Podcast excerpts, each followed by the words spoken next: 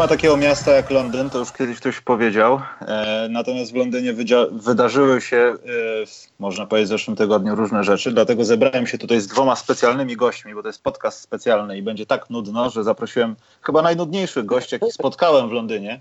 E, pierwszym, najnudniejszym, to jest jeden z najnudniejszych trenerów w Polsce.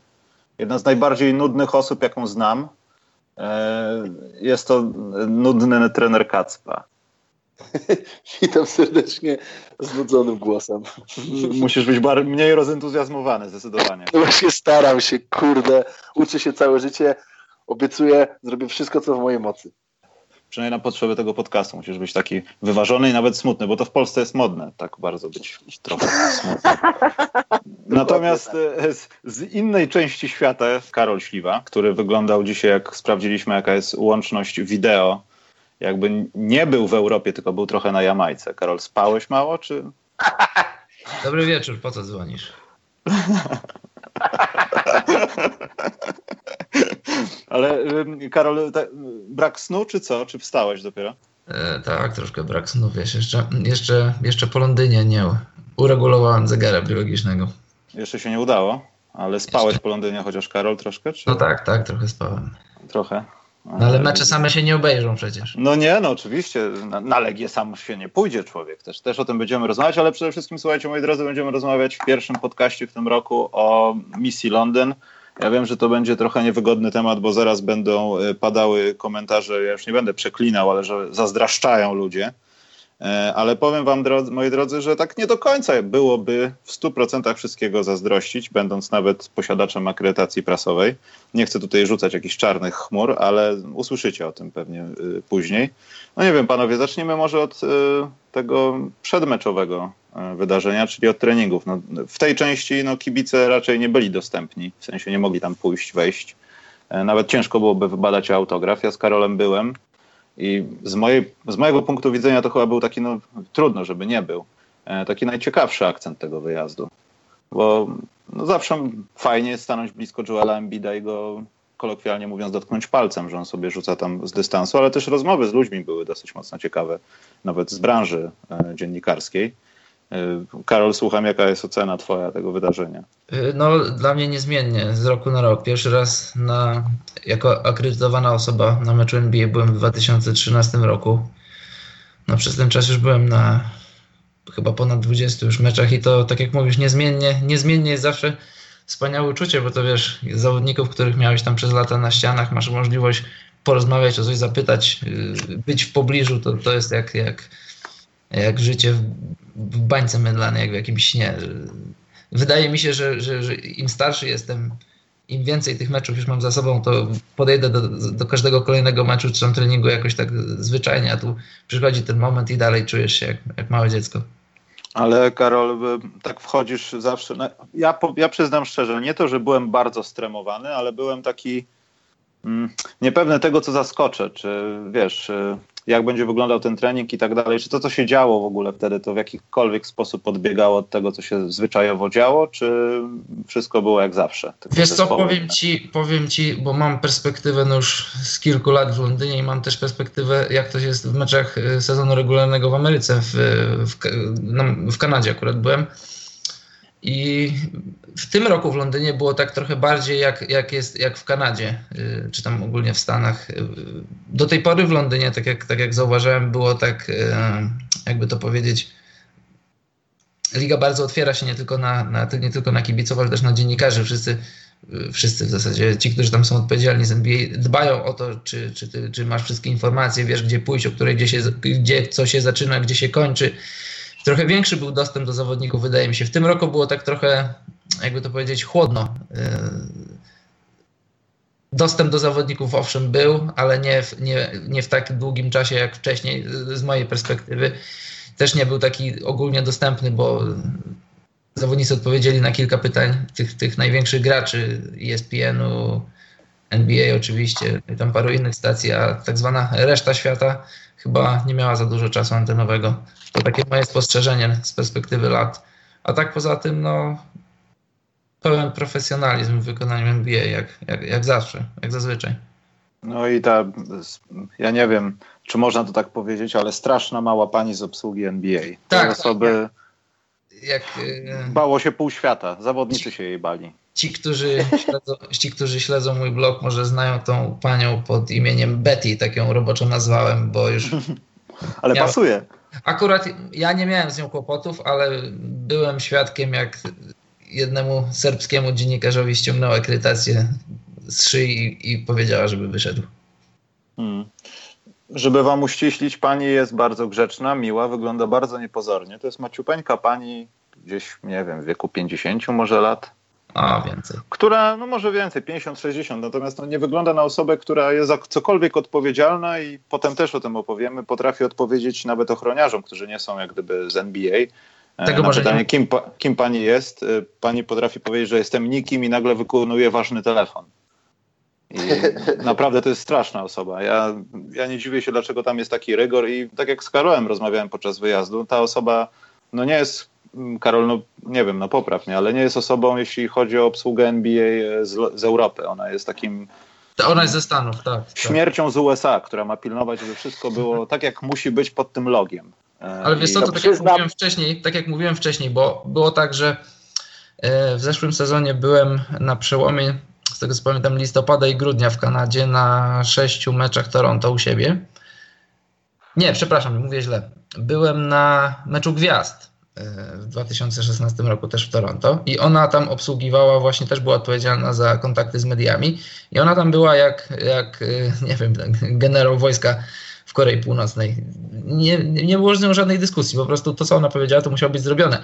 I później, nie pamiętam, kilka miesięcy wcześniej albo kilka miesięcy później był Londyn znowu i to była zupełnie inna osoba, to było wszystko takie, wiesz, takie, takie różowe, pluszowe, to była bardzo miła.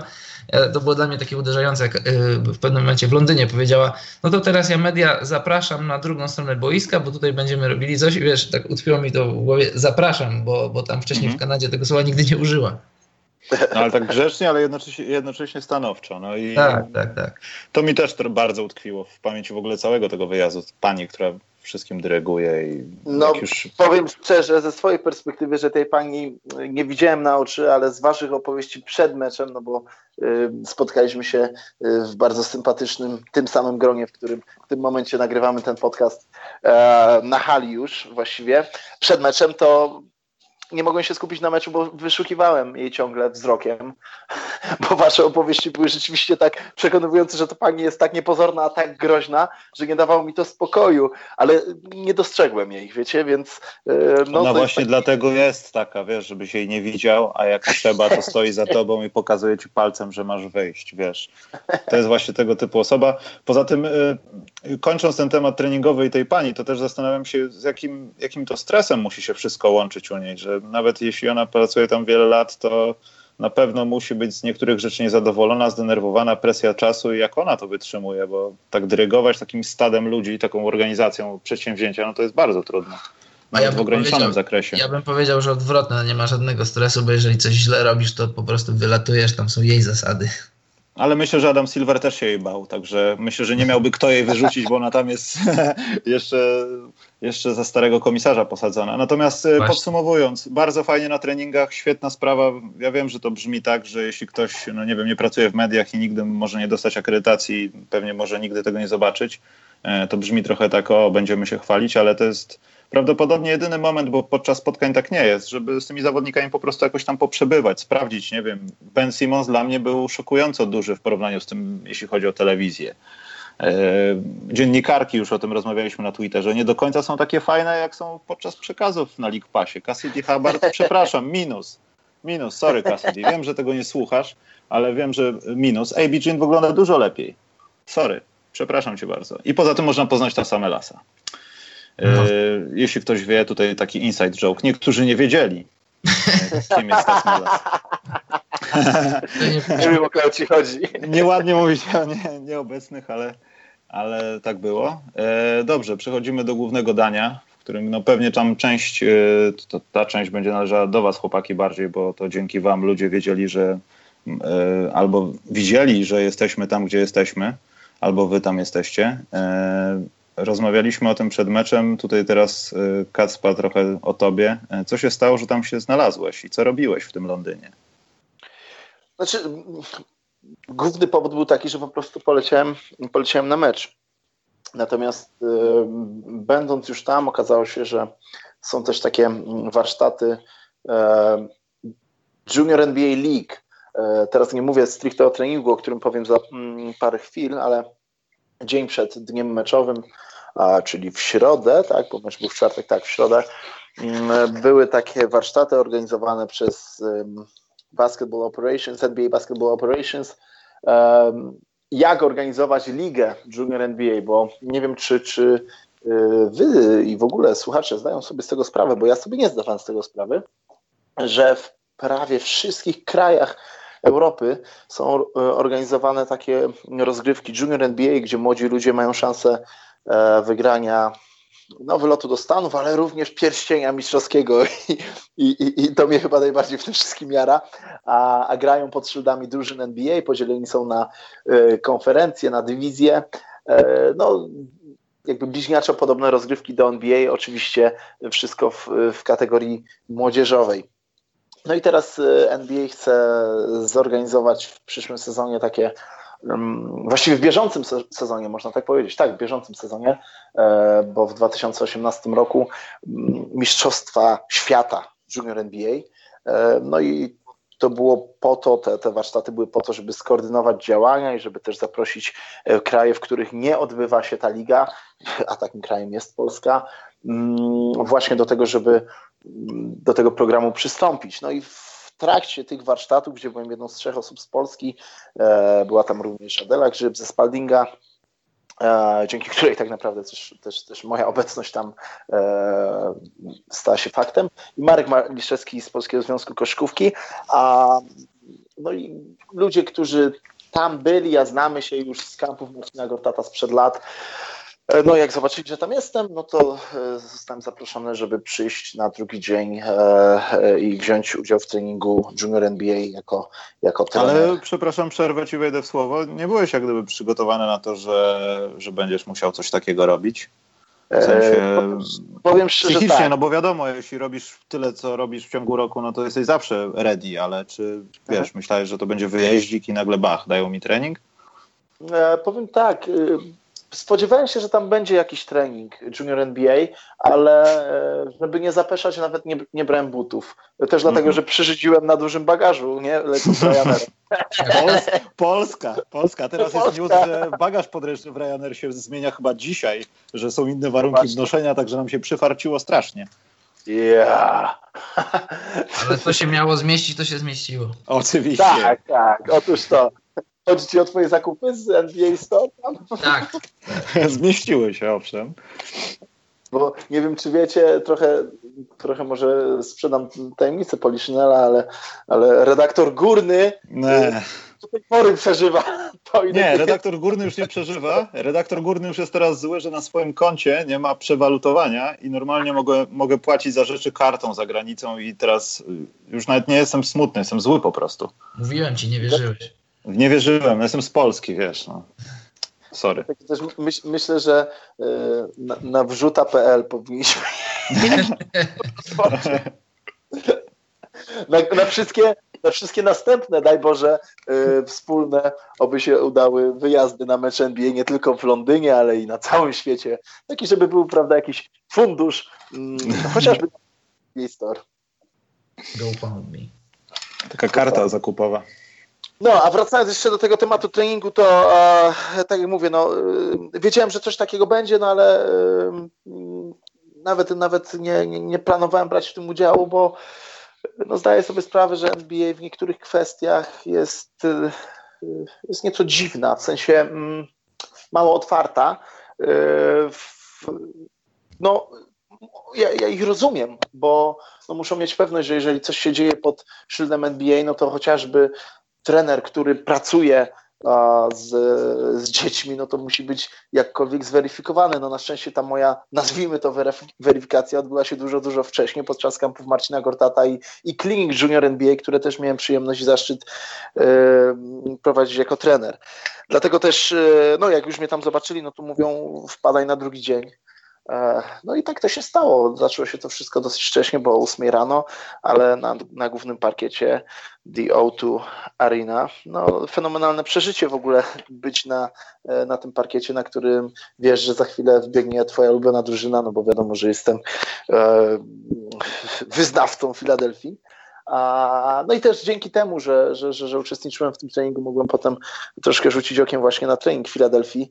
E, co prawda, może nawet pluję sobie troszkę w brodę, bo mogłem być troszkę bardziej odważny i tam rzucić się w ramiona tym graczom, mówiąc, że wszędzie widzę 76, e, ale, ale tak wyczuwałem, że, że chyba chcą mieć troszkę świętego spokoju, więc, więc odpuściłem sobie.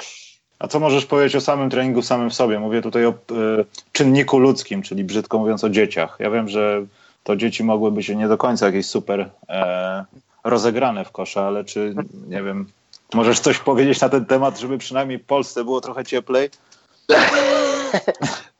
na pewno. Yy, znaczy uściślimy, czy to byli, były dzieci, które nie możesz, no pewnie tam wszystkich nazwisk nie znałeś, ich historii i tak dalej, ale czy to były, ja wiem, że Anglia i Szkocja to jeszcze mniej koszykarska jest niż Polska, natomiast czy tam były jakieś takie nazwiska, które coś tam znaczyły na jakimś szczeblu, czy to po prostu była grupka dzieciaków, które gdzieś tam się zapisały, albo ich rodzice zapisali? Nie, nie, to było troszeczkę inaczej niż w Polsce są, są robione te kliniki Junior NBA, bo, bo w Polsce, no wiadomo, jest to integralną częścią, tak jak już powiedziałem, kampów Marcina Gortata.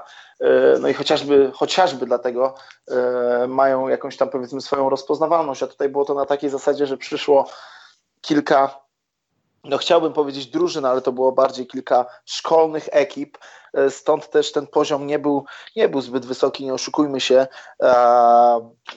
Na pewno na, na, na klinikach Junior NBA w Polsce wygląda to dużo, dużo lepiej, ale też są dużo starsze dzieciaki, bo Y, my robimy w Polsce 14-17 lat dla, dla młodzieży 14-17 lat, z tego względu, że kampy Marcina Gortata są dla dzieciaków 9-13, a tam e, to były roczniki tak 12-13 lat, e, mniej więcej taka młodzież. Na grupę, na moje oko, tam było około 60 młodych ludzi, może 70, a no ja bym ja bym wypatrzył czwórkę, piątkę naprawdę takich dzieciaków, które coś tam już robią z koszykówką yy, na fajnym poziomie. Yy, powiedzmy piętnastkę dzieciaków, które rzeczywiście wie o co chodzi w koszykówce, no a cała, nie lubię tego określenia, ale reszta, no to jednak była chyba tam dosyć, dosyć przypadkowo. To smutne, szczerze mówiąc, bo no myślę, że nawet w takiej Anglii, gdzie koszykówka nie jest zbytnio popularna, jestem przekonany, że znalazłyby się dzieciaki,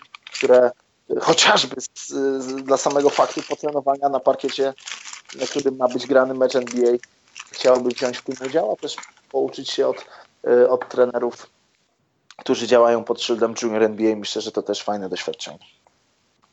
Poza tym, no, to, też jest dziwne, bo tutaj, no nie chcę zabrzmieć rasistowsko czy coś, no ale w Anglii bardzo często, zresztą tam na obozy, na które jeżdżę, e, trafiło mi się mi zawodnika, który nazywa się Obijek Bunikę.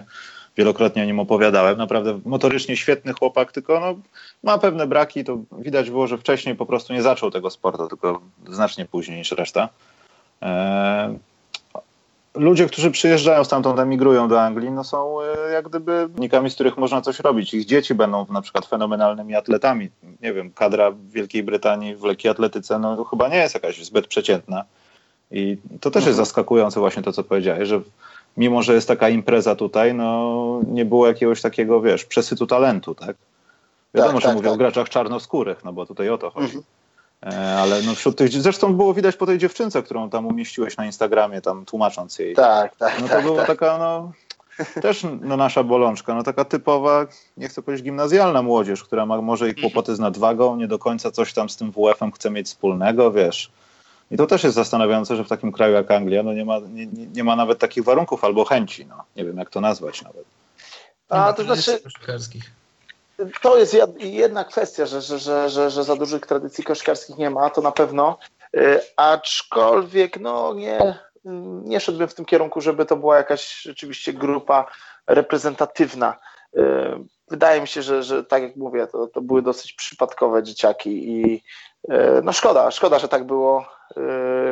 Niemniej taki, taki drugi wniosek, który płynął pod kątem mm, no, jakiejkolwiek oceny tych młodych ludzi, którzy tam byli. No, szczerze, bez obwijania w bawełnę, to, to, to byłem przerażony e, tym, jak, e, no, jak byli słabo kontaktowi.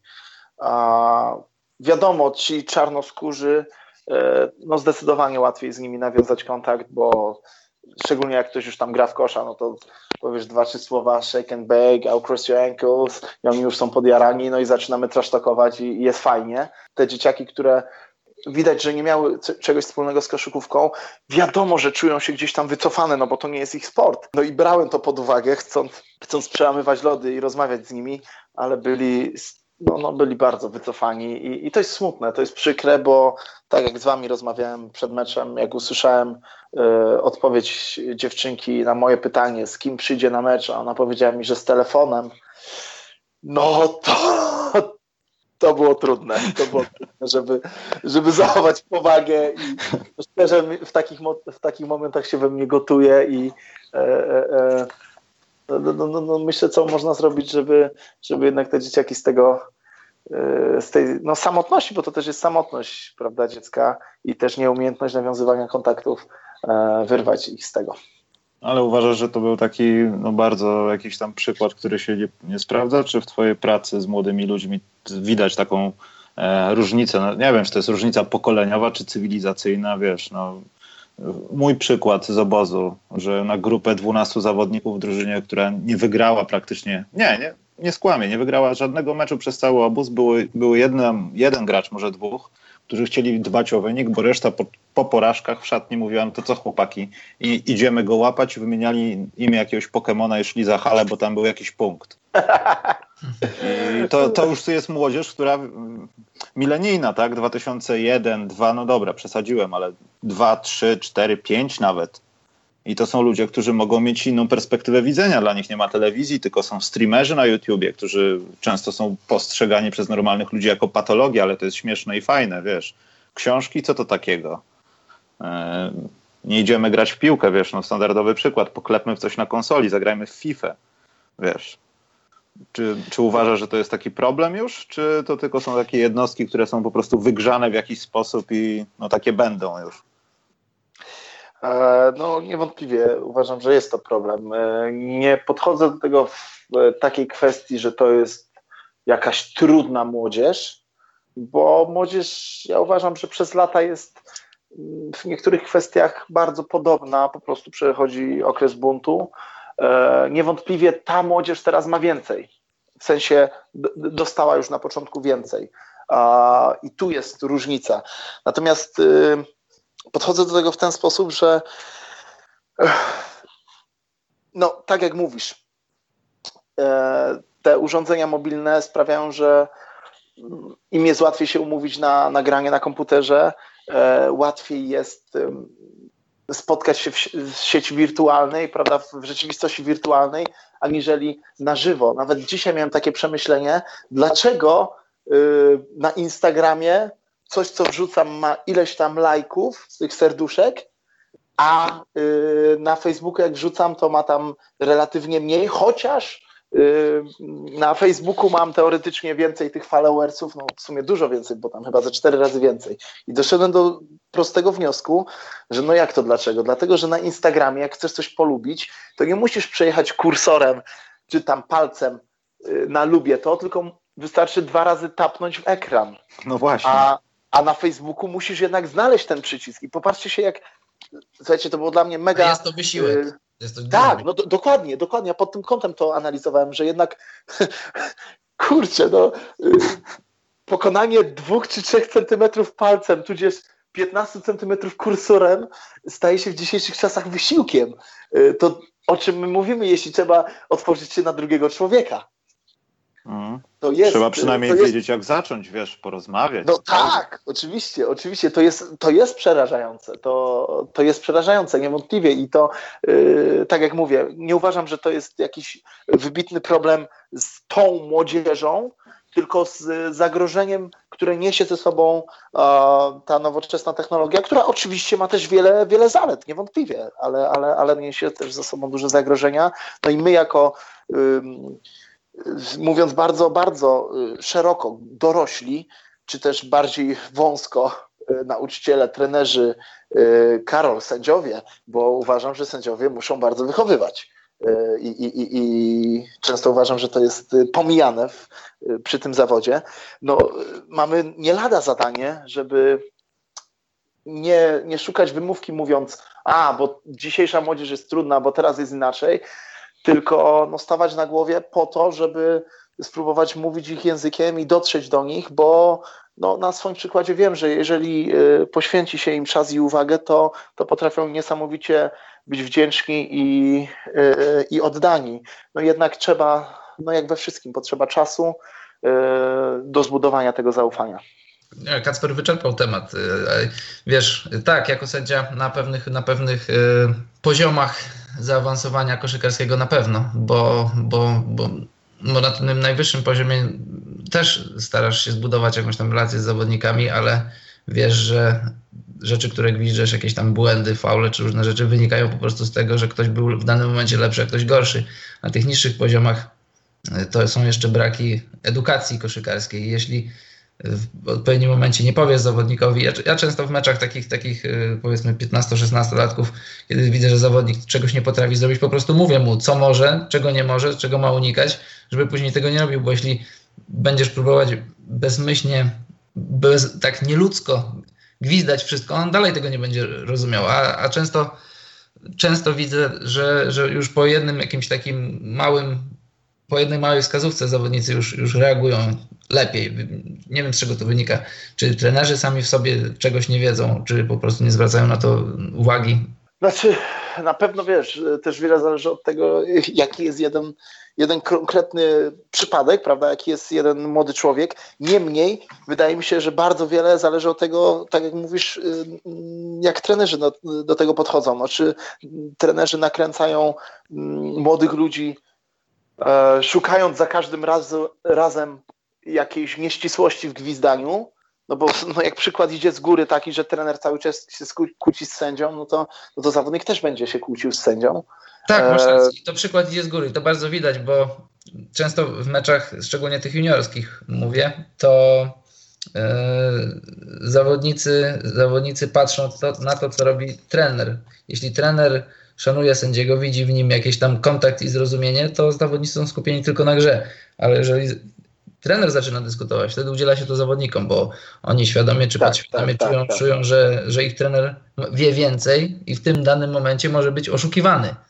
Nie, tak, a może tak, nie tyle tak. oszukiwany, co po prostu mieć do czynienia z kimś, kto czegoś nie wie, nie doczytał, nie umiał. Mhm, mhm, mhm. No to jest, to jest mega ważne i no, uważam, że niedostatecznie poruszany. Nie, nie, za rzadko jest podejmowany ten temat w ogóle relacji trener-zawodnik, e, przepraszam, trener-sędzia. No bo, kurczę, tak jak mówi, no zresztą mówiliśmy o tym e, w Londynie, e, w, w The Garfunkels, tak się nazywało bodajże miejsce, w którym siedzieliśmy, że no możemy mieć inne zdanie, ale możemy się szanować. A ja mam ciągle wrażenie, że jak mamy inne zdanie, E, I to już nawet, nawet nie tylko w kwestii e, koszkówki, ale ogólnie życiowo, że jak mamy inne zdanie, to, to się obrażamy na siebie, a to nie powinno tak wyglądać. No, nie, nie tego chcemy uczyć kolejnego pokolenia. No ja mam takie, takie, takie zboczenie na temat wychowywania następnego pokolenia, e, mając świadomość całego wachlarza swoich wad, nie? No ale właśnie szczególnie, szczególnie, że, że, że zdaję sobie sprawę ze swoich wad, to, to chciałbym mm, tak ukierunkować tych, tych młodych ludzi, żeby nie popełniali tych samych błędów co ja. I, i jak sobie myślę właśnie o, e, o tych młodych ludziach w tej perspektywie, no to myślę, że e, bardzo fajny możemy dać żywy przykład w sytuacji, gdy na przykład e, sędzia zagwizdże coś nie pomyśli, a trener nie zgadzając się z nim, nie reaguje wybuchowo. Reaguje w sposób taki, e, no, panie sędzio, widzę to inaczej i, no i jest jakaś dyskusja. Oczywiście wtedy, kiedy jest na to czas. Bo nie oszukujmy się, że e, no, w, w jakimś tam meczu na styku to jest arcytrudne, ale nie uważam, że, nie wyko- że a wykonalne. Żeby, żeby traktować się z szacunkiem. Wy w zasadzie wyczerpaliście temat, ale chciałbym tylko dodać, że przede wszystkim takie, tego typu rzeczy, znaczy tak bardziej na moim podwórku, powiedzmy w tej mojej lidze wiatrów, albo nawet wśród tych dzieciaków w szkole, nawet same kwestie treningów i przygotowywania do meczów, to brakuje strasznie komunikacji. Bo tak naprawdę, mhm. tak jak powiedzieliście, no, jeśli jest jakaś grupa dzieciaków, to ma je trener. I te dzieciaki, komunikacja jest między dzieciakami a trenerem.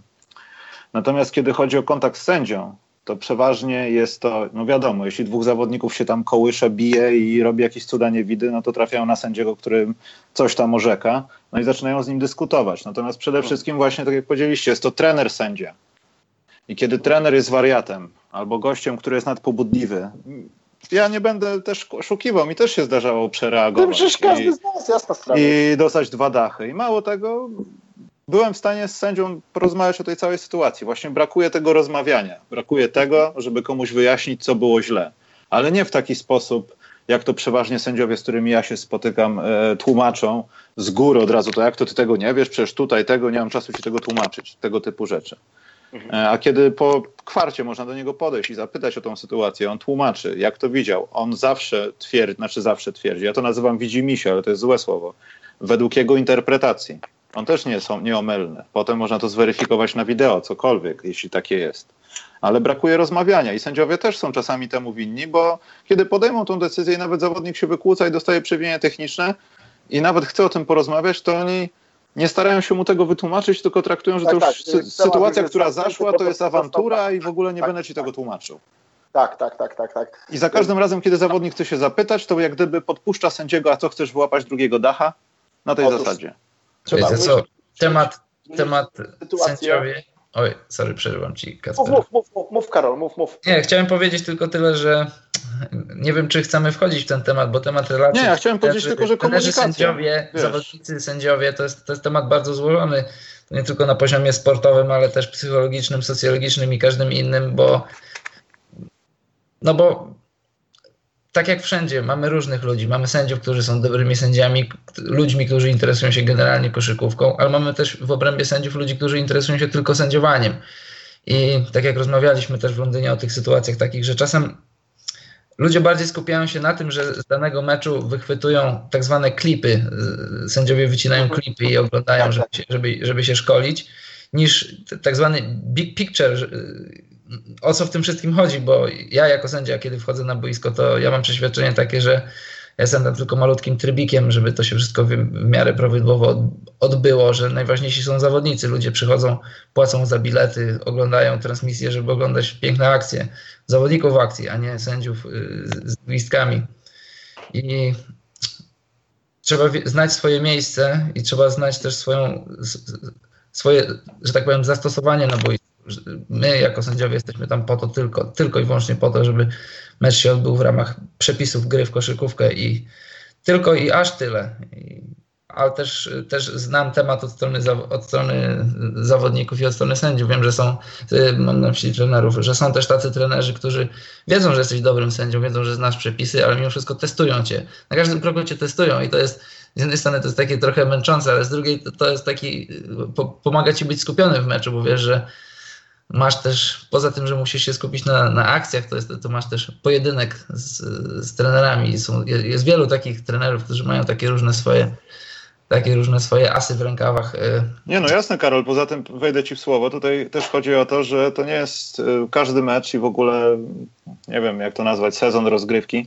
To nie jest tak, że to jest odpalenie konsoli przed każdym meczem. Ten sędzia sędziował już ileś w tej drużynie meczy i powiedzmy w czterech ostatnich meczach, jak go wylosowano do tej drużyny, to zawsze ktoś go wyzywał on nie podejdzie piąty raz normalnie do, tej, do tego tak, meczu. On będzie się spodziewał kartą, wyżywki, więc tak. już będzie więc już będzie wchodził głęb, y, bardziej w te tematy, które by pomijał, gdyby to był taki zero-jedynkowy mecz, w którym jest, nie wiem, wylosowany i na Saharze musi komuś gwizdać. To jest Sędzia prawda, ma... tak, bo wiesz, bo wiecie, y, to co dzieje się, bo no, mówimy na przykładzie globalnej koszykówki, ale odnosimy się do polskiej, to co dzieje się w koszykówce, czy ogólnie to co dzieje się w sporcie, to nie dzieje się w oderwaniu od innych sfer życia, no a ludzie generalnie nie są dla siebie mili w Polsce. Że chcesz załatwić gdzieś coś w jakimś urzędzie, to często spotykasz się z, z takimi a innymi reakcjami, stoisz w kolejce, przepychasz się gdzieś, masz do czynienia z ludźmi. Ludzie ogólnie nie są dla siebie życzliwi i to też przenosi się na sport.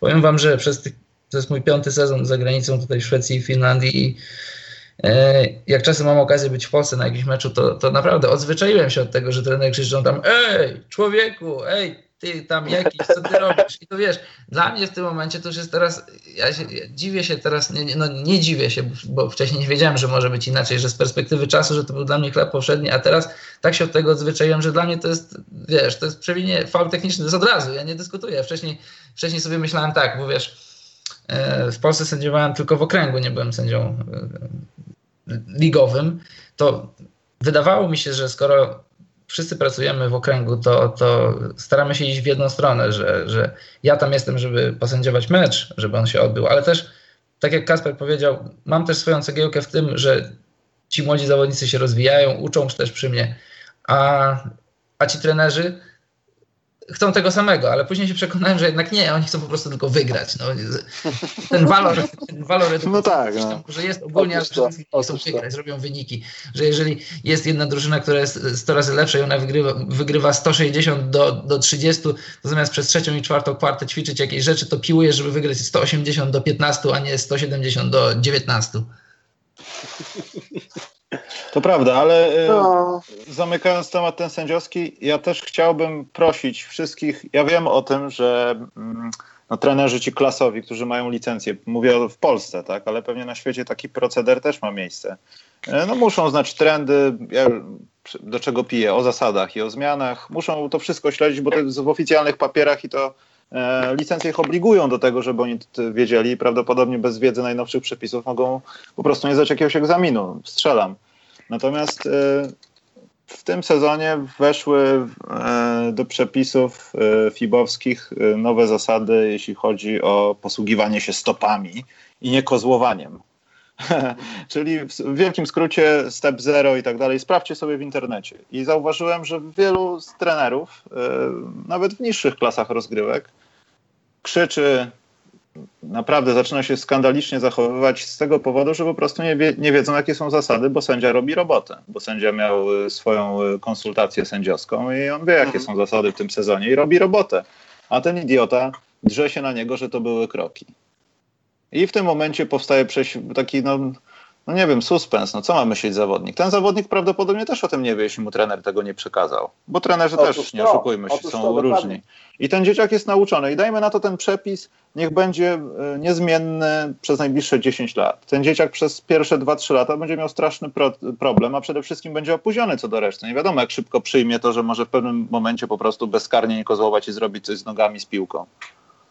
Dlatego, dlatego. I zachęcam, żeby każdy się, jeśli jesteś trenerem, albo się interesujesz tym, albo piszesz na Twitterze nawet, jesteś nawet jedzielnym Januszem, przeczytaj zasady najnowsze za ten sezon, naucz się ich na pamięć.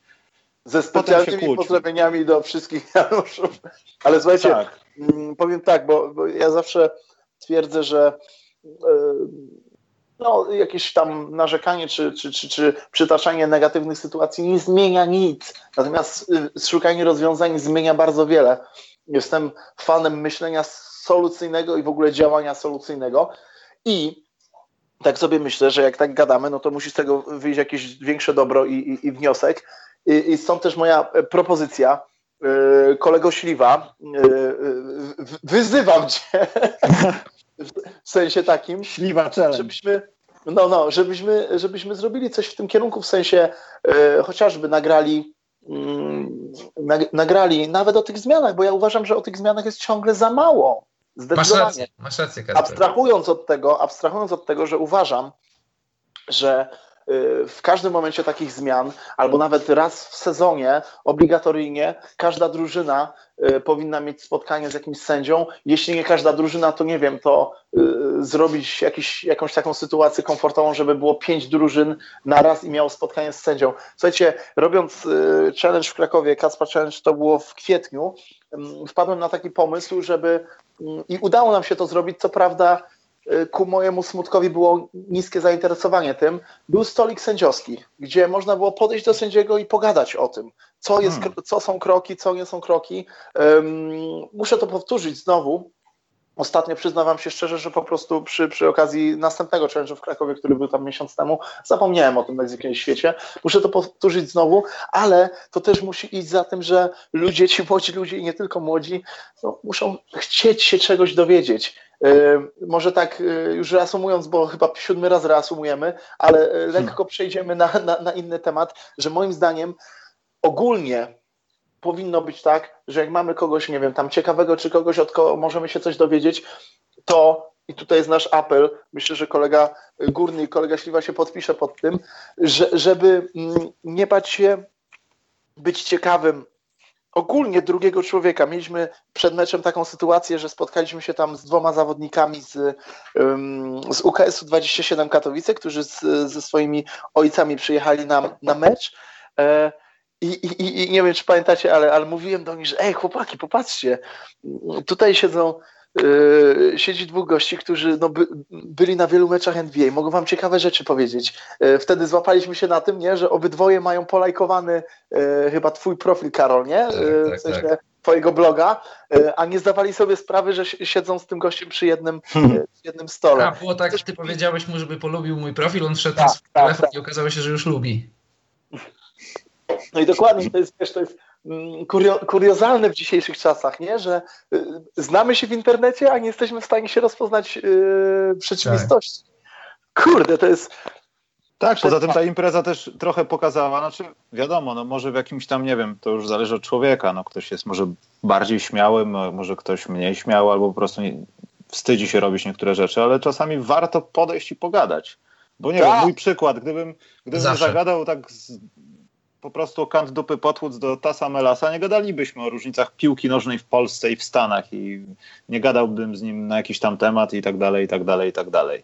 Więc Mm. naprawdę, jeśli łączy nas koszykówka, to nie ma, jeśli ktoś ma pytanie do kogoś, to przecież nikt nikomu ręki nie odgryzie, a ludzie po prostu często się boją. Ja, ja tutaj nie chcę kreować nas wszystkich super na wielkich celebrytów, ale często tak bywa, że ludzie, którzy nawet grają ze sobą w kosza, boją się zagadać, wiesz, może, może ci podam na lewą, czy coś. Wiesz, No, no, no, no, no. tak, tak. taka No, głupota, ogólnie, nie? tak, brak komunikacji, ogólnie brak Dokładnie. komunikacji. E, Zdecydowanie, ja się, ja się zgadzam, e, zgadzam z tym i nawet e, przytoczę taką dwie historie z życia wzięte. Ja, ja, mam, ja bardzo lubię w dobry sposób korzystać z tych social mediów. Na przykład jestem fanem hashtagowania na Instagramie, aczkolwiek nie tego typu, że hashtaguje się, nie wiem, Polish boy czy Polish girl, bo z tego troszkę, szczerze mówiąc, troszkę szydzę z tego. Ale mm, gdzieś tam czasami po jakichś dziwnych hashtagach docieram na różne dziwne profile i wyobraźcie sobie, że do, dotarłem na profil babeczki, która ma na swoim profilu same zdjęcia klocków Lego, właściwie ludzików z klocków Lego. I kurde, wysłałem jej wiadomość, zdjęcie e, klocka Antuana Walkera, bo mam e, Dirka Nowickiego, mam Antuana Walkera, no i oczywiście Alena Iversona. I stwierdziłem, że dam jej z przyjemnością tego klocka, e, wyślę cokolwiek. I, I napisałem, że słuchaj, mogę ci sprezentować coś takiego, bardzo mi się podoba to, co robisz, masz super pasję. I kurde, odczyta i nie odpisała. Wiecie, to jest przykre, ale, ale niewątpliwie warto, y, warto robić to, bo, bo wierzę w to, że gdzieś tam ktoś jednak y, odczyta taką wiadomość i będzie otwarty. Y, Ja niejednokrotnie, mm, niejednokrotnie piszę tak z gruchy do pietruchy do jakichś obcych mi osób i staram się w pozytywny sposób wykorzystywać te social media. Jakiś czas temu też tak napisałem do babeczki, która na swoim instagramowym profilu ma jakieś alternatywne metody nauczania i wiem, że pracuje w szkole i będąc w Warszawie, a to było, ona gdzieś tam niedaleko Warszawy pracuje, napisałem do niej, że z przyjemnością odwiedzę jej szkołę i zrobię spotkanie motywacyjne. E, Pokrótce napisałem, czym się zajmuję i tak dalej, E, ale też, też, też odczyta nie, nie, mm, nie odpisała. Dziwi mnie to, ale nie można się tym przejmować, nie można się zrażać tymi porażkami, bo, bo tak jak na przykład, przy, na przykład przykład naszej relacji, panowie, y, pokazuje, że mogą fajne rzeczy z tego wyjść, y, to potwierdza, że nie ma się co wstydzić i ludzie mogą się dogadać nie tylko w internecie, ale i w rzeczywistości. Każdy I nie, ma patrzy, coś- nie patrząc się w coś telefony. Każdy ma coś No, no. ciekawego do przekazania, ale, ale nikt nie ma tego napisanego na czole. Musisz to, musisz to wydobyć sam. Otóż to, otóż to. Ale, ale wiecie co, jestem naprawdę zbudowany. Y, y, Aż się boję, jak ta rozmowa potoczy się dalej, bo bo nie wiem, czy nie założymy... A potoczy, a potoczy się dalej, bo panowie musimy przeskoczyć na dzień meczowy. Musimy przeskoczyć na dzień meczowy. Dnia meczowego to wydarzyły się rzeczy, o których Kacpa mówił, w sensie te treningi, no i wiadomo, mecz. No i my z Karolem mieliśmy przygodę, co pokazało, że i tu, tutaj będzie moje takie drugie ukryte pytanie, zanim będzie pytanie jak mecz, który ja nie za specjalnie pamiętam, musiałem obejrzeć go jeszcze raz w domu. Poza tym nasze miejsca nie były za specjalnie fajne do oglądania tego spotkania. E, Karol, opowiadamy o naszej przygodzie najpierw czy później? Bo ta, bo ta przygoda, przygoda, do czegoś ta prowadzi. przygoda nie jest taka duża. Nie, nie będziemy rozmawiać o naszej przygodzie w kibelku, tylko nie, nie było żadnej, nie było żadnej przygody w kibelku. To się wy... I'm kidding, ja? Nie wytnie się, Karol. Tutaj się nic nie wycina w tym podcastie, dlatego jest specjalny. E, nie, no, do czego piję? No, ale ja mówimy, mogę to powiedzieć, dlatego że z twojej perspektywy ta, ta historia jest większa niż ona w rzeczywistości była. Ty się zdenerwowałeś. Słuchaj, ty się, na początku, ty się zdenerwowałeś na początku i potem to już lawinowo poszło. Ale nie, mów, że, ale nie mów, że byłeś taki John Wayne na koniu i zachowałeś spokój też. Nie, ty, byłeś, ty byłeś Bobby Portis i szukałeś Miroticza. Tak, a ty kim byłeś? Matką Teresą z Kalkuty. Byłeś tak zdenerwowany. Karol był zdenerwowany. Słuchajcie, ludzie, Karol był zdenerwowany. Ale, ale nie, to jest naprawdę, nie wiem w jakim, nie wiem czy w dobrym kierunku zmierza ta rozmowa, jeśli mówicie o przygodach w toalecie i że coś większe z jednego lub drugiego perspektywy. Guys! Nie, no co ty. Nie, ale o co mi chodzi? Nie, Karol, bo do czego Dobrze, piję? to ja Mówię... powiem od początku. Nie, ale poczekaj, bo ja ci powiem może y, o co mi chodzi. Chodzi mi o organizację te, tego typu imprez. My się tak, często tak, tak. zastanawiamy w Polsce, że nie zorganizujemy czegoś takiego, no. ale po tym, co Karol opowie, y, myślę, że jesteśmy gotowi na to. Dobrze, to naświetlę temat od początku. E, nie od początku istnienia człowieka, ale od mm, Zacznę od tego, że kiedy NBA zaczęło przyjeżdżać do Londynu w ramach nie meczów preseason czy jakichś tam pokazowych, tylko w ramach sezonu regularnego, to przywozili ze sobą wszystko. Parkiet, kamery, dźwiękowców, ochroniarzy, yy, wszystko. Przywozili ze sobą wszystko, nawet Gatorade'y. I to wyglądało po NBA-owsku bardzo, bardzo długo, ale od roku zeszłego, albo może od dwóch lat, jest tak, że część obowiązków Przepraszam, wtrącę się. W Berlinie było normalnie, w sensie, że było no, ich nie. Tak. Część obowiązków przenoszą na, na Anglików. I, I właśnie tu widać, gdzie, gdzie, gdzie mamy do czynienia z ludźmi, którzy na co dzień nie pracują w NBA. No i hmm. wracając do historii sprzed paru dni, było tak, że odebraliśmy nasze akredytacje przed meczem. No i chcieliśmy się udać do tak zwanego media roomu, żeby tam e, pootwierać sobie komputery, zobaczyć, co słychać w świecie. No ale z jakiegoś powodu człowiek, który stał e, w miejscu, w którym powinien stać i ochraniać obiekt, nie był do końca poinformowany i nie zdawał sobie z tego sprawy, że być może media będą chciały pójść do media roomu, no bo jak to media do media roomu. No i kazał nam poczekać gdzieś tam na zewnątrz. Też innych dziennikarzy w międzyczasie od, odsyłał, a nie przeszło mu przez głowę, że być może media będą chciały pójść do media roomu. No i Michał się zdenerwował, ja też trochę, ale ja mniej. I tak ja się, się prawie nie zdenerwowałem jeszcze. I tak się akurat przypadkowo złożyło, że do toalety wchodziła Betty, nasza Betty, którą jej się boimy, ale w tym momencie była naszą ostatnią deską ratunku. I poczekaliśmy, aż Betty załatwi swoje potrzeby. I gdy wyszła, zawołaliśmy ją i poskarżyliśmy się na bezdusznego ochroniarza. I po czym ona wykonała telefon, o którym wspominałeś na początku. Karol powiedział to zbyt lajtowo, ponieważ w momencie, kiedy weszliśmy do media roomu, to było dziwne, że chcieliśmy tam wejść, e, pewni, pewna pani powiedziała, że nie możemy tam być. A, Musimy stamtąd wyjść. I to mnie najbardziej zdenerwowało, po czym pan, który nas wpuścił, powiedział, że ta pani ma rację, więc tak teoretycznie niepotrzebnie nas wpuścił. Ale wcześniej początku... o tym nie wiedział, bo pamiętasz, że na samym początku powiedział, że nawet na parkiet możemy wejść. Tak, po, po drugie, y, tak, na parkiet nie możemy wejść i tak dalej, ale jak że się możemy, okazało... na samym początku powiedział, że możemy że możemy, a potem, że nie możemy, a de facto jak staliśmy za drzwiami wygonieni i czekaliśmy na Betty, aż wyjdzie z toalety, to ludzie po prostu chodzili tam jakby, nie wiem, granica polsko-słowacka była z powrotem. Chodzili w, w tą i nazad i podszedłem do niego i zapytałem się go, proszę pana, przecież o co chodzi? Przecież nikt tędy nie przechodził, a tam już ludzie mogli zrobić wszystko na, na tym parkiecie. Nikt tędy nie przechodził. To jest raz.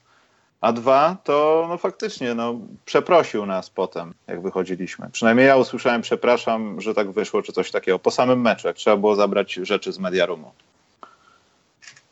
Poza tym mam tutaj rzecz do przekazania dla Przemka y, Kujawińskiego. Nie było nic na ciepło, były tylko kanapeczki. No właśnie. Bo Przemek zbiera catering z Hiszpanii z kolei, tam czasami są frykasy, natomiast tam były kanapeczki bardzo dobre, ale były kanapeczki. Nie było nic na ciepło.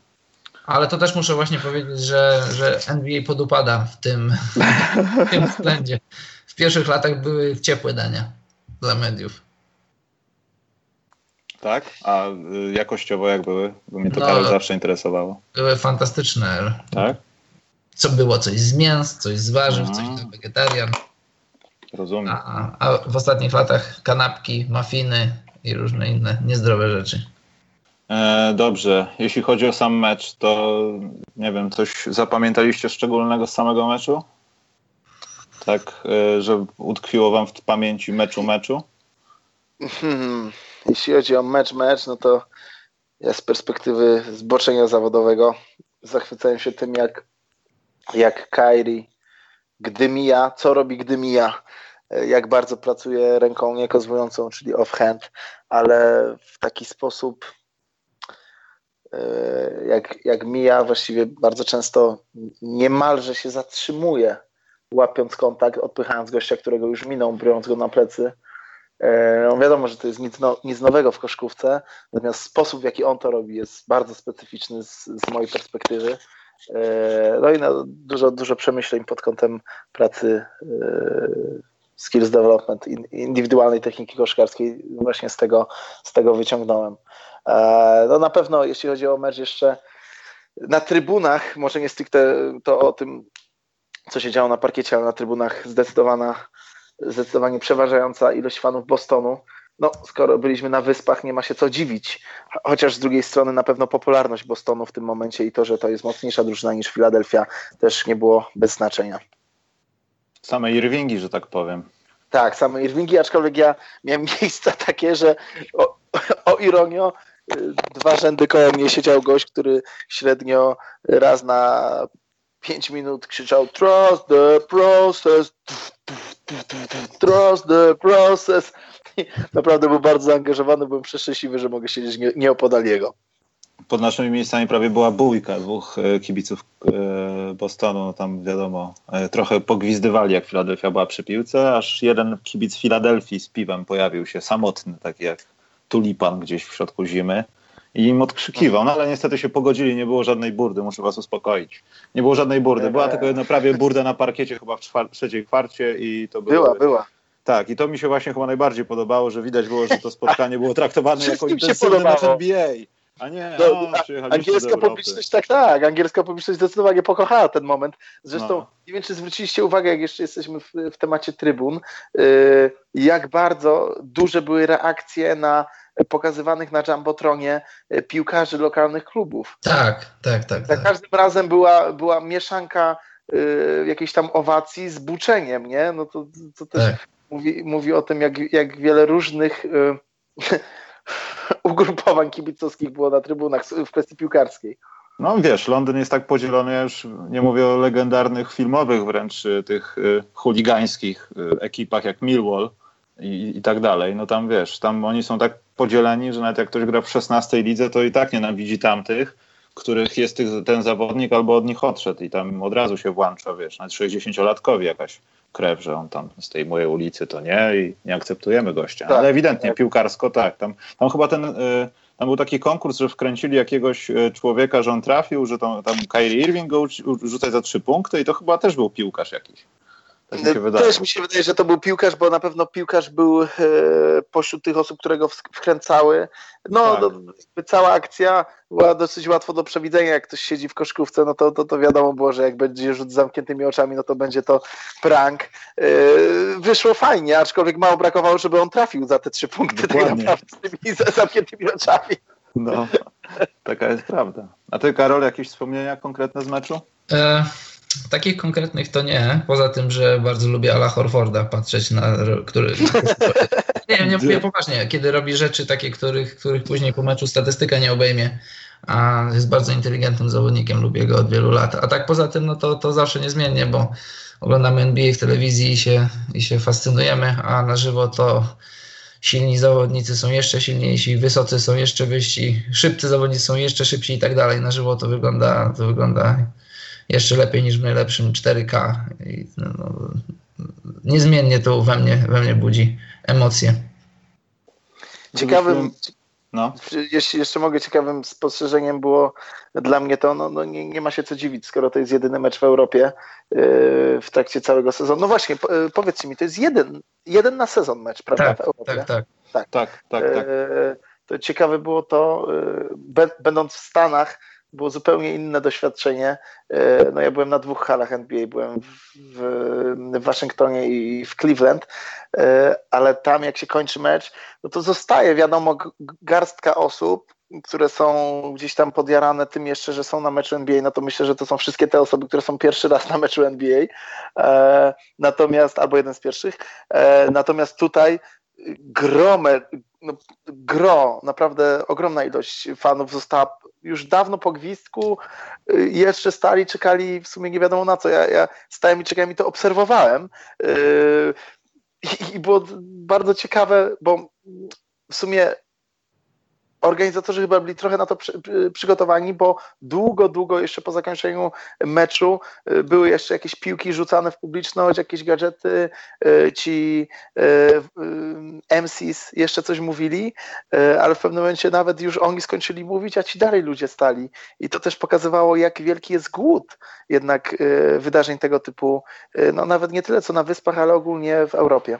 Tak, właśnie chciałem to samo powiedzieć, że jest takie wrażenie, że, że ludzie tak pragną jeszcze, że jeszcze by coś chcieli. Tak, tak, tak, tak jak mówisz, Kasper, jest, jest głód NBA i wydaje mi się, że nie byłoby głupim pomysłem, gdyby, gdyby na przykład w przyszłym roku, czy tam po prostu w przyszłości NBA robiła back-to-back mecze i byłoby łatwiej tak. dostać bilety i ludzie trochę by się tym nasycili, bo, nasyci, nasycili, bo teoretycznie, tak jak mówiliśmy wtedy, kiedy się spotkaliśmy, że jedna z drużyn jest teoretycznie pokrzywdzona, no bo z 41 meczów traci jeden, no i nikt, wiadomo, na pewno NBA płaci za to i, i pod względem finansowym drużyny są rozliczone, ale później w jakimś tam rozrachunku, gdzie, gdy przychodzi do, do grania w playoffach przewagi własnego parkietu, to może tego meczu gdzieś tam zabraknąć, bo no niby teoretycznie według terminarza Filadelfia była, była gospodarzem tego meczu, ale jakie tam wsparcie było kibiców, ja bym powiedział, że średnie albo słabe. A gdyby faktycznie no. grała u siebie, to może tych, tych, tych 20 punktów nie było i bym tak łatwo roztrwonić.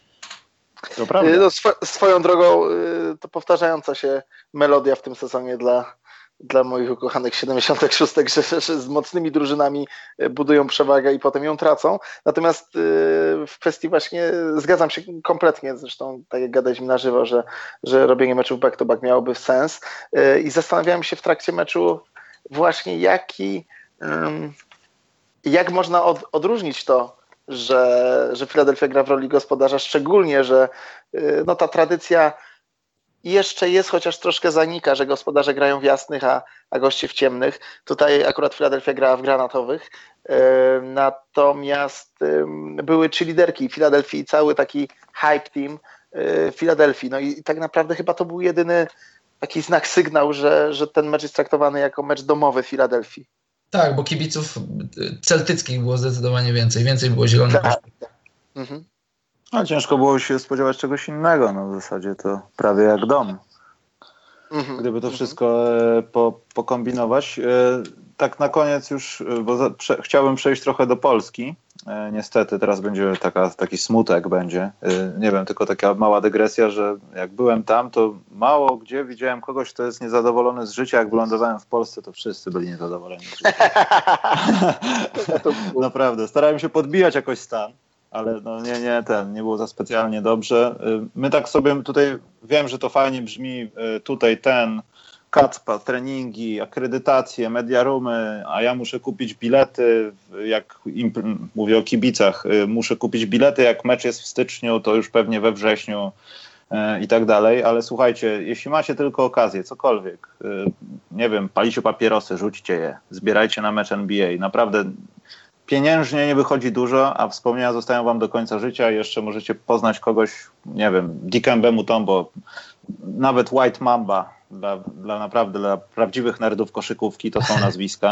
Andre Miller, Andre Miller nie polecam, słyszałem, żeby A, no swoją drogą. Właśnie, no to, to może jeszcze przytoczymy to. Przepraszam, że ci wchodzę w zdanie, no ale to y, taki temat pominięty, a y, no, pochwalę się, że, że miałem okazję współpracować z Andre Millerem w trakcie, w trakcie kliniki Junior NBA, aczkolwiek no, nie zrobił na mnie dobrego wrażenia swoją, nazwijmy to, posturą i, i, i, i ogólnie świeżością aparycji, o może tak.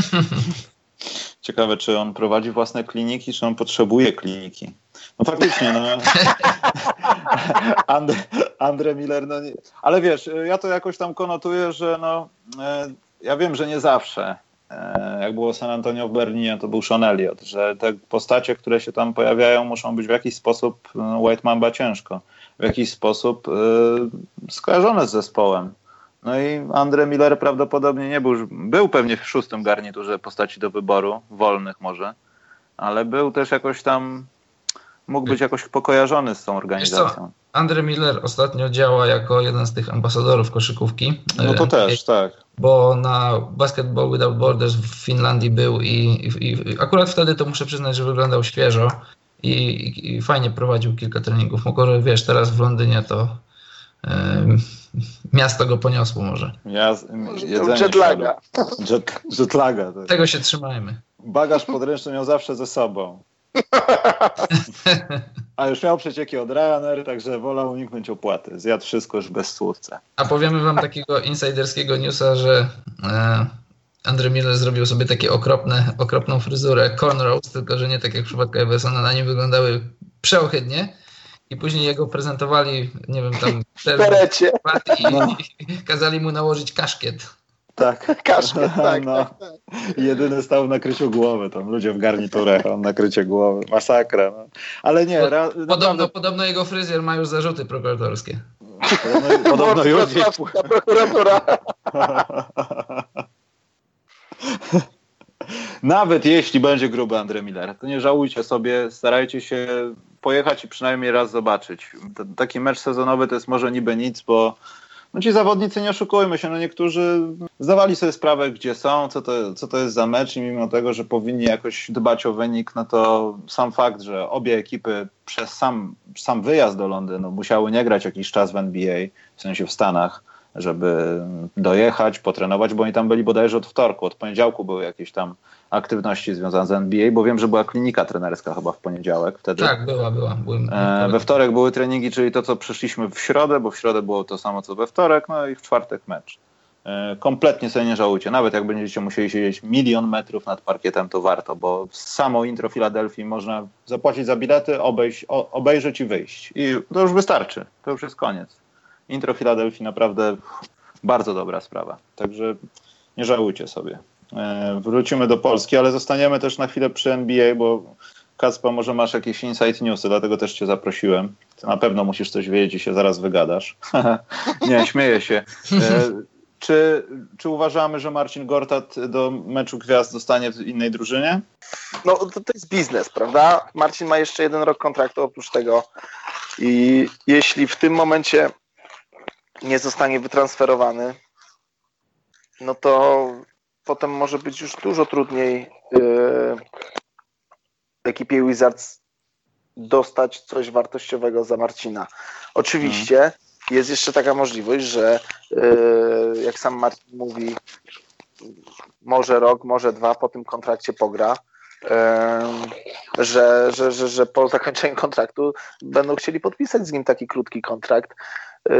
No ale to już wiedzą chyba GM-owie w Capital Arena. Nie, bo tak się zastanawiałem, czy to nie jest dobry okres, znaczy dobry okres. Czy to nie jest taki moment w karierze Marcina, żeby zadać sobie pytanie, no ja już troszkę tych pieniążków zarobiłem.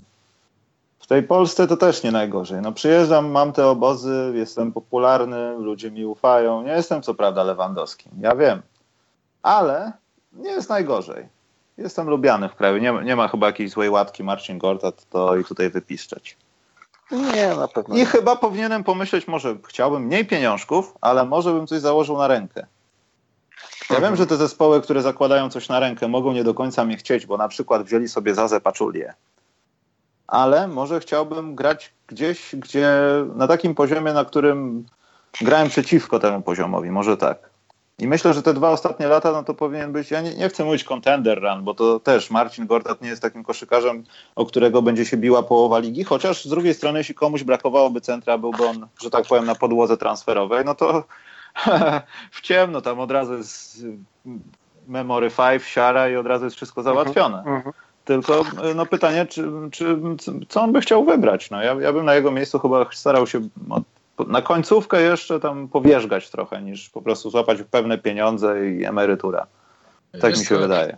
Jeśli mogę zacząć, to ja staram się nigdy nie wchodzić zawodnikom ani do portfela, ani w życie, bo dla nas kibiców łatwo jest powiedzieć, że jeśli zawodnik zarabiał w jednym sezonie 17 milionów za rok, to powiedzmy, żeby walczyć o mistrzostwo, zrezygnuje z połowy z tego. I powiemy, że 8 milionów dolarów to też są gigantyczne pieniądze, których, nikt, których większość przeciętnych ludzi nie zrobi przez całe swoje życie. Ale powiedziawszy to wszystko, my nie wiemy, jak to wygląda od strony takiej prywatnej w domu zawodnika. No to też są takie czynniki. A no. pieniądze, a pieniądze to są pieniądze, wiesz, oni zarabiają 17 milionów dolarów, 15, 20, 30 za sezon, ale za, za kilogram mięsa płacą tyle samo co my i to są pieniądze, to są pieniądze, mają taką samą wartość dla nas jak dla nich. I, i, i to jest trochę nie, nie, nie, w porządku mówić zawodnikom, że skoro w jednym roku zrobiłeś 15, to teraz na połowę tego idź gdzie idzie i walcz o mistrzostwo, bo to, to jest takie trochę próżne i y, staramy się patrzeć od strony, od strony czysto kibicowskiej, żeby nasza drużyna miała większe szanse na zdobycie mistrzostwa. Ci, którzy są przeciwko nam, to są, to są chciwi, chcą pieniędzy, a nie wygrywania. Ja staram się tak nie patrzeć na to. Jeśli Marcin uzna, że, że znajdzie się w, wiesz, ja Marcina nie znam tak dobrze jak wy, tak dobrze jak Kacpa, ale ja z, z, mówię to w odniesieniu do Marcina, ale mam na myśli ogólnie, jak to wygląda, jeśli dany zawodnik uzna, że jest na takim etapie swojego życia, że, że mają też zabezpieczoną przyszłość, jest w stanie zrezygnować z jakichś tam pieniędzy i, i znaleźć dla siebie Nie, ale Karol też nie mówi, wiesz, to też nie jest tajemnicą jakąś wielką, no w mediach się o tym mówi, no mówi, mówi i mówiło, chyba, były jakieś tam przecieki, że no Marcin też no, sprawy prywatne go czasami ograniczają w, gra, w meczu, myślę, no różne rzeczy, które krążą mu wokół głowy i to też nie jest pewna sprawa, ale tak czysto sportowego powodu, wiesz o co mi chodzi. Nie, no jasne, oczywiście. I zawodnik też... jest u schyłku kariery, no to jest naturalne, że walczy o to, żeby w jakimś tam ostatnim momencie swojej kariery pokazać, zdobyć coś, czego się nie miało, wiesz, był w finale NBA, no i ten finał no, był no był może, nie chcę powiedzieć do wygrania, ale tam można było więcej pokazać. Początek kariery Marcin Gortat super.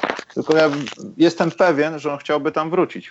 Wiesz, ale też może być sytuacja, no. że on po prostu nie będzie panem swojego losu, bo my patrzymy, co hmm. zrobi Marcin, ale Marcin może nie zrobić nic, a ktoś na przykład będzie chciał Demarcusa Kazinsa sparować z, z Johnem Wallem, jego dobrym kolegą. Oczywiście, I, że tak, jasne. I, I wiesz, może nagle się Marcin znaleźć w drużynie tylko nie walczącej o mistrzostwo, ale nawet nie walczącej o playoffy, to nie wiemy. Powiem tak. Yy, trzeba pamiętać o tym, bardzo mi się podobało to, co powiedziałeś, Karol, że wiadomo, że to brzmi dziwnie, ale to są tacy sami ludzie jak my. W sensie. Tak, jasne. Yy, wiadomo, że są milionerami, ale yy, dla mnie takie doświadczenie,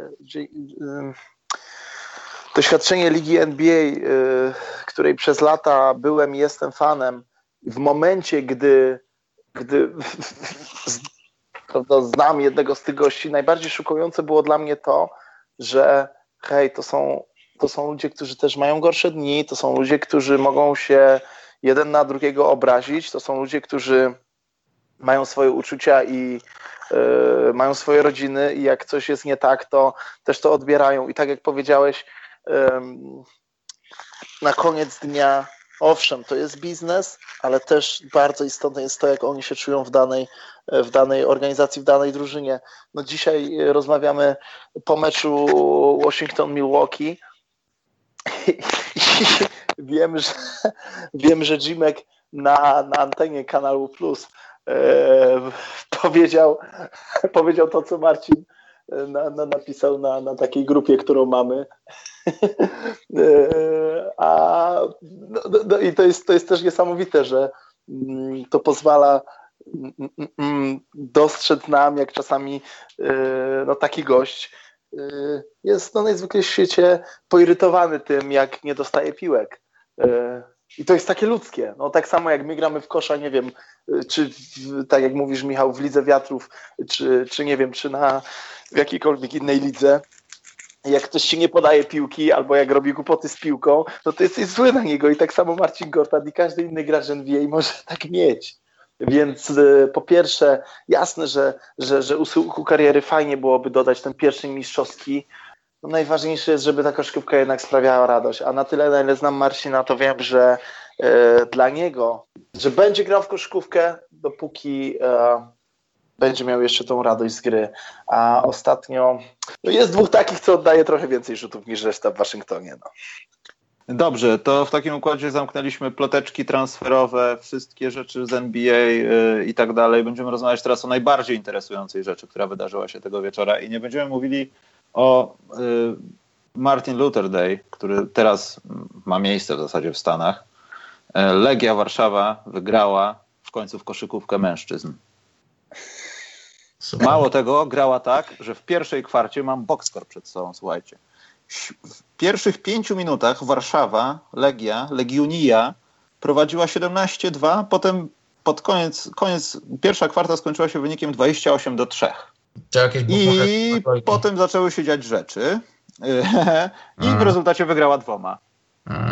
Ale wygrała. Nie wiem, nie wiem, czy ja jeszcze nie spałem po powrocie z Londynu, czy ja to naprawdę widziałem, bo powiem wam, że Mecz był sam sobie całkiem ciekawy. Ty, Kaspa, byłeś na, na jednym chyba, czy na ilu byłeś? Na tak, na, na, w tym sezonie na jednym. W tym sezonie, no nie, w ogóle na jednym meczu Legii, tak, tak. Ale byłeś jeszcze wtedy, kiedy Nadir Tarp był w drużynie. A teraz do Legii zawitał niejaki Chauncey Collins, który był wybrany w tym samym drafcie do D-League, co Anthony Bean grający w Legii. To chyba pierwszy taki przypadek, chociaż nie śledziłem za bardzo w lidze, może. Antoni Bean jest, jest jelly, jak to mówią. Jest, jest mega fajnym jest zawodnikiem. Jelly, bardzo jelly. I on chyba nie doczeka następnego sezonu w Legii, bo jest za dobry, żeby tam być, ale chciałbym, żeby tam został. E, no, Czarni Słupsk postawili poprzeczkę, bo bardzo mocno gonili. E, dlaczego Kacpo cię zagadnąłem o mecz? No bo widziałeś ten, ten mecz, na którym byłeś i to nie, nie było chyba za dobre widowisko. E, e było, bo, tam bo tam była końcówka, wiesz, taka, w której wpadła. A jaki to był mecz? Numer z Dąbrową Górniczą. A, no dobrze, no to tam się trochę działo, ale mimo wszystko wynik bardzo. był trochę ustalony, no, nie oszukujmy. No, ale nie, no, wiesz, oni dojechali ich pod koniec i mieli trójkę w powietrzu taką na jedno posiadanie. Ona była in and out, ta, ta trójka. No, jakby wpadła, to, no, to mogło być różnie. Nie, nie prawda, było tak no, całkiem bez emocji. Ale widziałeś, co się dzieje na Bemowie i kurczę, no nie uważasz trochę, no tak trochę będąc gościem tak na jednym meczu, że ta hala nie mhm. pasuje do koszykówki tam. Ja nie chcę twierdzić, że 50-tysięczny obieg by tam zmienił cokolwiek w grze i w ogóle by yy, zapełnił. Znaczy, nie, powiem Ale... inaczej. Ja będąc, będąc na tej hali, notabene niejednokrotnie tam robimy jakieś eventy sportowe z dzielnicą Bemowo, E, nawet w tym tygodniu coś tam będę robił, ale chyba nie na tej hali. Ale mm, powiedziałem, że to, są, to jest idealna e, objętość, pojemność e, trybun na Polską Ligę Koszykówki, co jest bardzo przykre i nie chcę, żeby no. tak było, ale to jest racjonalne podejście, no bo o tyle, o ile na Legię Warszawa ze względu na no, sympatie kibicowskie może przyjść wiele osób, ze względu na to, że to po prostu jest Legia, to na inne kluby, no mnie przeraża to, że w Zielonej Górze, gdzie jest moim zdaniem no, w Polsce najlepsza hala do koszykówki pod względem mm, nie jest to za mała, nie jest za duża, ale stromość tych trybun jest, y, no daje fenomenalny efekt, no to tam y, no ciężko uświadczyć kompletu i to jest przykre, to jest przykre bardzo, uważam. ty, Karol, Dlatego też nie... O, o Legii? W sensie interesujesz się porażkami Legii i rankingiem najgorsi w internecie? Y, wiem, że go prowadzisz, a y, no nie oszukuję, nie oglądam, nie oglądam polskiej ligi. Ale kompletnie straciłeś kontakt? Y, straciłem, wiem mniej więcej co się dzieje, meczów nie oglądam, oglądam jak jestem w Lublinie, oglądam na żywo, a tak jak mówiliśmy, rozmawialiśmy w Londynie, Warszawa musi, no nie musi, powinna mieć drużynę, która, która walczy o mistrzostwo polskiej ligi. Po prostu to, jest, to byłoby bardzo dobre dla koszykówki, dla ligi, dla odbioru, że takie duże miasto jak Warszawa, żeby nie miało drużyny nie tylko przyzwoitej, nie tylko dobrej, ale nawet przyzwoitej, to, to, jest, to jest przykre. To jest bardzo przykre i nawet patrząc na to, co się dzieje w Londynie, dlatego to straszny, straszny podcast, dygresja. Ten pro, zmieniam nazwę na dygresja. Już nie podcast specjalny, tylko dygresja.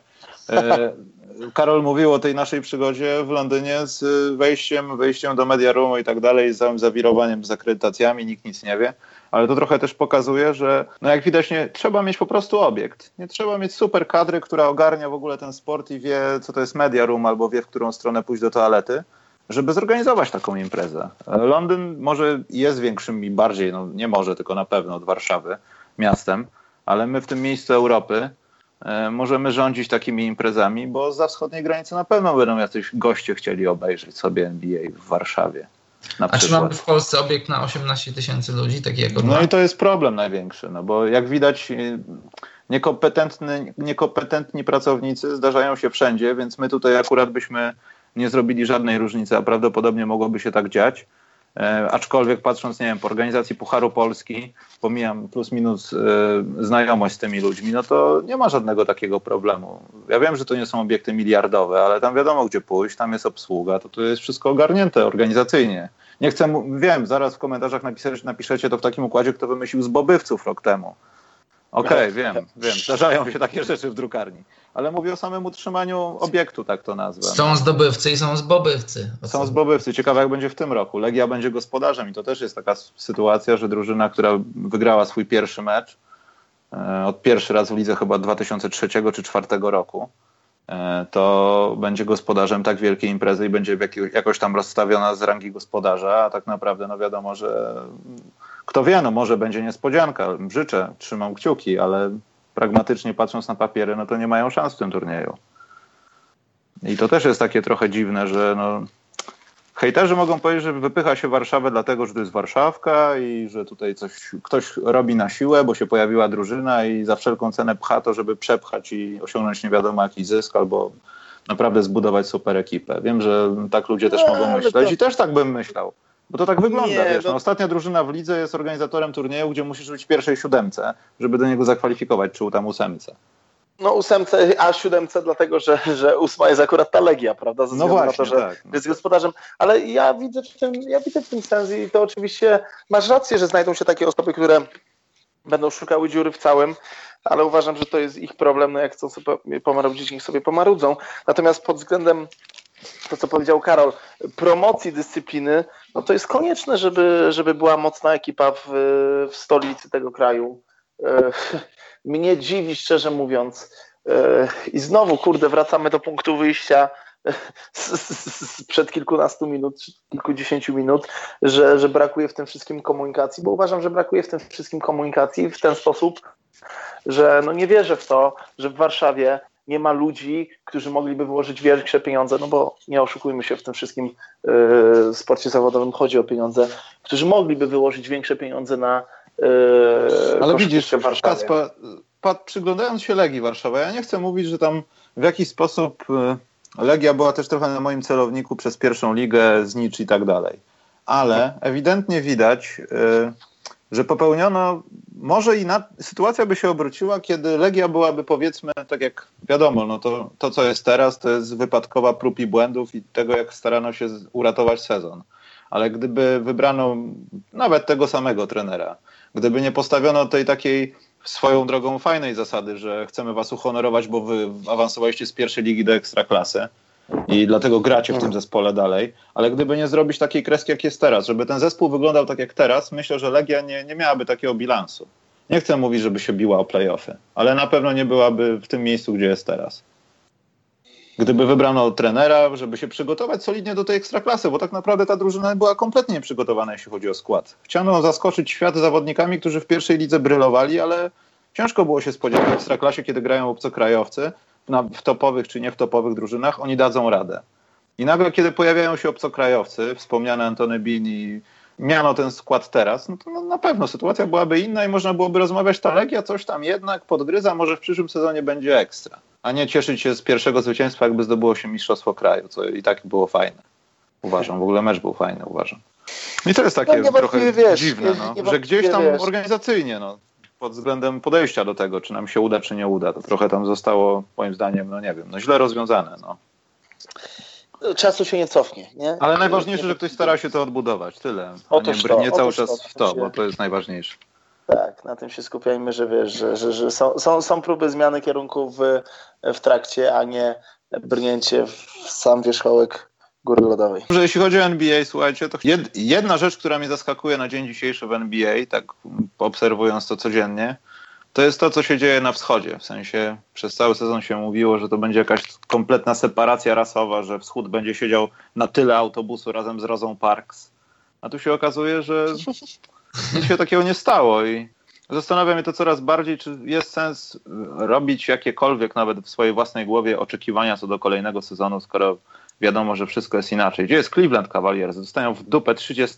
Boston prowadzi, który nie ma, Hayward nie ma nogi, a oni prowadzą, nie gra w ogóle. Co się dzieje? To jest moje największe zaskoczenie, szczerze mówiąc. Dla mnie to jest zaskoczenie na plus, że, że nie mamy... Nie, jak najbardziej. Na wschodzie wyścigu powiedzmy tam, nie wiem, trzech drużyn, czy, czy, czy czterech, że i też y, wschód, tak jak mówisz, skazywany na, na, na niebyt, nie jest taki słaby. Wiadomo, że, że, że ogólnie jest troszkę niższy poziom i że wiadomo, drużyny ze wschodu grają częściej w obrębie swojego wschodu i że bilanse aż tak dużo nie znaczą, bo gdyby doszło faktycznie do meczapów powiedzmy ósemki ze wschodu z ósemką z zachodu, to mogłoby to inaczej wyglądać. Ale ogólnie samo to w sobie sprawia, że sezon jest bardzo ciekawy, bo jest tyle różnych historii. Gdzie nie spojrzysz, gdzie nie spojrzysz, masz coś ciekawego. Masz słabe Chicago, które nagle zaczęło wygrywać mecze, nie wiem dlaczego, nie wiem po co. Ja y, też nie wiem. Bobby Portis pogodził się z Miroticem.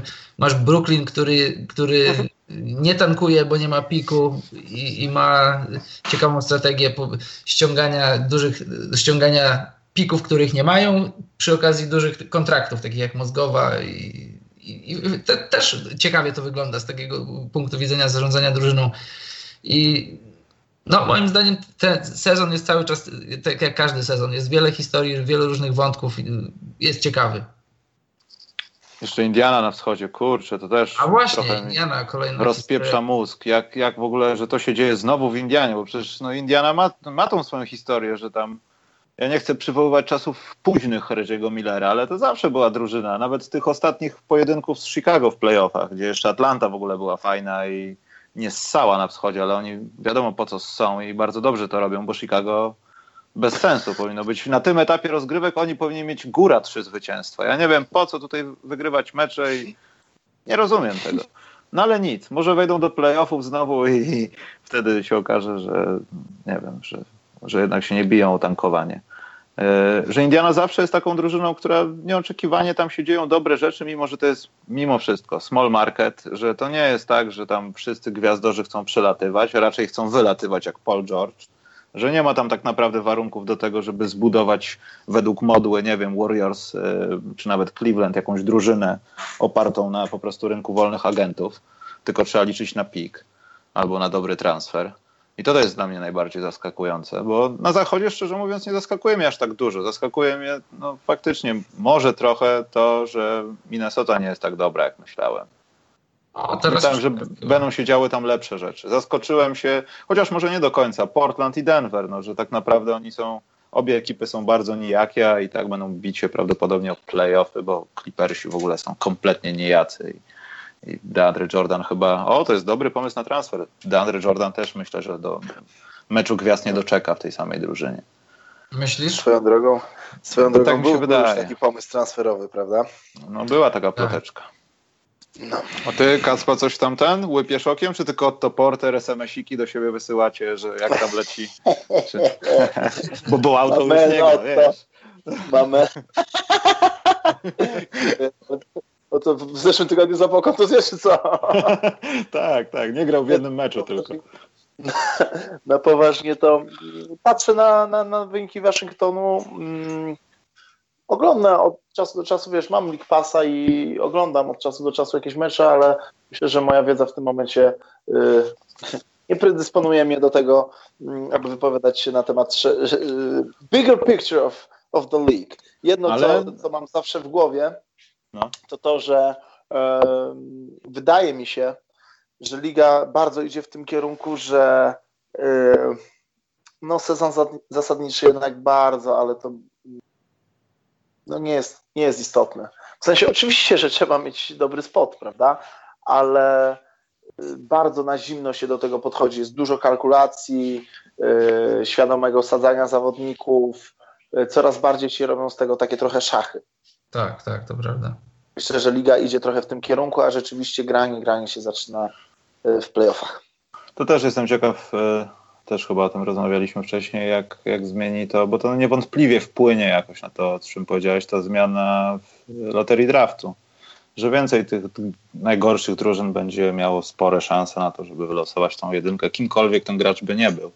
I to też tam może trochę, nie, nie chcę powiedzieć ukrócić, ale trochę zmniejszyć to grono tych drużyn, które tak bardzo odstają, że ta liga jest tak no, bardzo pocięta. No, bo z 30 ekip tak naprawdę no co, 16 awansuje do playoffów, ale w grze i tak jest 18, bo reszta gdzieś jest tam w niebycie albo odbycie. No. Wy, wy już wiecie, że, że, że od, od niedawna, od, od miesięcy trzech jestem bardzo szczęśliwym mieszkańcem przepiękniej malowniczo położonej miejscowości Bytom i wczoraj się dowiedziałem, czego nie wiedziałem, że na tę miejscowość mówi się odbytom. O Boże. Zdaję sobie sprawę z tego, że nie była to bardzo potrzebna informacja w trakcie tego nagrania, ale tak mi się, tak mi się skojarzyło. A jeszcze reasumując na temat jakby mojej, mojej wiedzy na temat aktualnej um, sytuacji w NBA, no ja raczej się skupiam skupiam na tym, żeby gdzieś tam pojedyncze akcje um, analizować pod kątem technicznym ze względu na moje spoczynnie zawodowe. Mm, tak, no to bardziej się w to wkręcam. I, i Ale jesteś kibicem bardzo... Filadelfii takim diehard? Tak, czy... tak, tak, tak, to bez dwóch zdań. No. Szczerze mówiąc, to jak sprawdzam wyniki, to przede wszystkim patrzę na wyniki Filadelfii i Waszyngtonu. Kogo no ci... uważasz teraz za najbardziej technicznie wyszkolonego zawodnika? Wiesz co, myślę, że no Kyrie, jeśli chodzi o, o, o kozowanie, jest kosmitą, ale bardzo niedoceniany jest Wiktor Oladipo i zrobił, znaczy zaczyna być doceniany, zrobił ogromny postęp. No ja bardzo jestem na bieżąco z tymi ludźmi, którzy, którzy wykonują tę samą robotę co ja, właściwie ja wykonuję tę samą robotę co oni e, w Stanach. No i Wiktor spędził bardzo, bardzo owocne lato. E, no to jest coraz bardziej popularne, żeby, że, że, że ci zawodnicy korzystają z usług mm, czy centrum na przykład e, Train Unpassable, czy innych takich przybytków. No mi się marzy, żeby takie miejsce stworzyć w Polsce. Jestem na jak najlepszej ku temu drodze, no bo w końcu znalazłem takie miejsce, w którym można przyjechać do mnie na trening, co też no, takie tam lokowanie produktu małe zrobimy tutaj. Din, din, din, din. W takim układzie powiedz głosem czubównej, czy czubówny, że chciałbyś zachęcić Lonzo Bola do tego, żeby uczył się u Ciebie rzucać prawidłowo. Powiedz to po litewsku. Powiedz to po litewsku, tak. Nie wiem, nie wiem, czy to nie jest zbyt duży Kacpa Challenge, ale jak jesteśmy przy, przy, przy litewskiej, litewskim temacie, to jestem zachwycony, że dzięki braciom Ball y, cały świat dowie się o wodzie Vitotas, która moim zdaniem ma najlepszą na świecie reklamę. Nie wiem, czy widzieliście reklamę, notabene też jest w polskim języku, bo została wyprodukowana w wielu językach.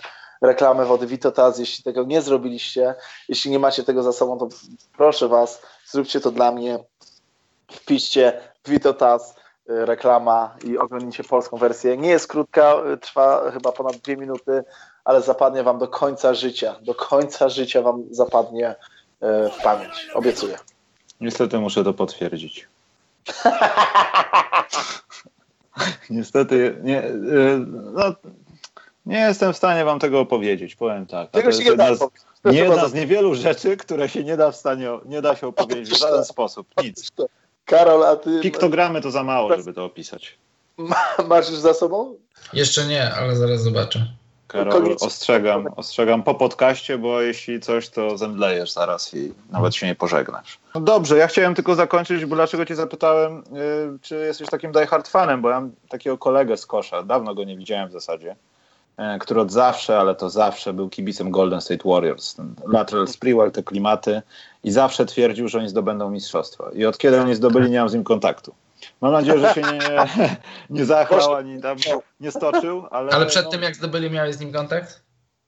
E, miewałem, tak. Aha, Nawet miałem z nim kontakt, jak Steph Curry dołączył do drużyny, aha.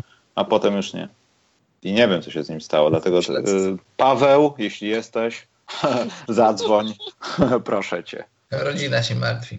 No dobrze, kończymy, bo i tak będzie za długo i pewnie już nas dawno wyłączyliście. E, Ze mną był pan sędziunio Karol Śliwa, który towarzyszył mi w Londynie podczas różnych biesiad bądź też spacerów e, w krótkich bądź też długich spodenkach po lądku zdroju. Dziękuję, Ci Dziękuję, bardzo, było Karol. bardzo miło. Kacper Lachowicz, Kacpa, największy kibic Filadelfii. Człowiek, który w zasadzie chyba zawsze się uśmiecha. To są prawdopodobnie, to są operacyjne takie złote nitki, które trzymają mu kąciki bust, żeby się był bardziej przekonującym trenerem. E, bardzo Ci dziękuję za przybycie i życzę Ci samych sukcesów, żeby te dzieci jednak były lepsze w kosza, żebyśmy może wszyscy dołożyli do tego wszelkich starań. Nie piłce nożnej, albo dobra, nie, biegajcie, biegajcie dużo i żeby najlepiej biegajcie z Kacpą, albo ze mną, albo z Karolem na boisku, ale biegajcie. Biegajcie, Ogólnie. nieważne z kim, nieważne z kim, ważne, żebyście biegali. Z, z mamem, z tatem, wszystko jedno. Możecie Otóż to. biegać. Biegajcie, z piłką najlepiej, ale biegajcie. Dzięki Kacpa jeszcze raz. Nie palcie tych papierosów, ja pierniczę. Fuj, fuj, fuj. Fuj, fuj, fuj. Remember the beginning of a dream, do you? You always wind up right in the middle of what's going on. I guess, yeah. So how did we end up here?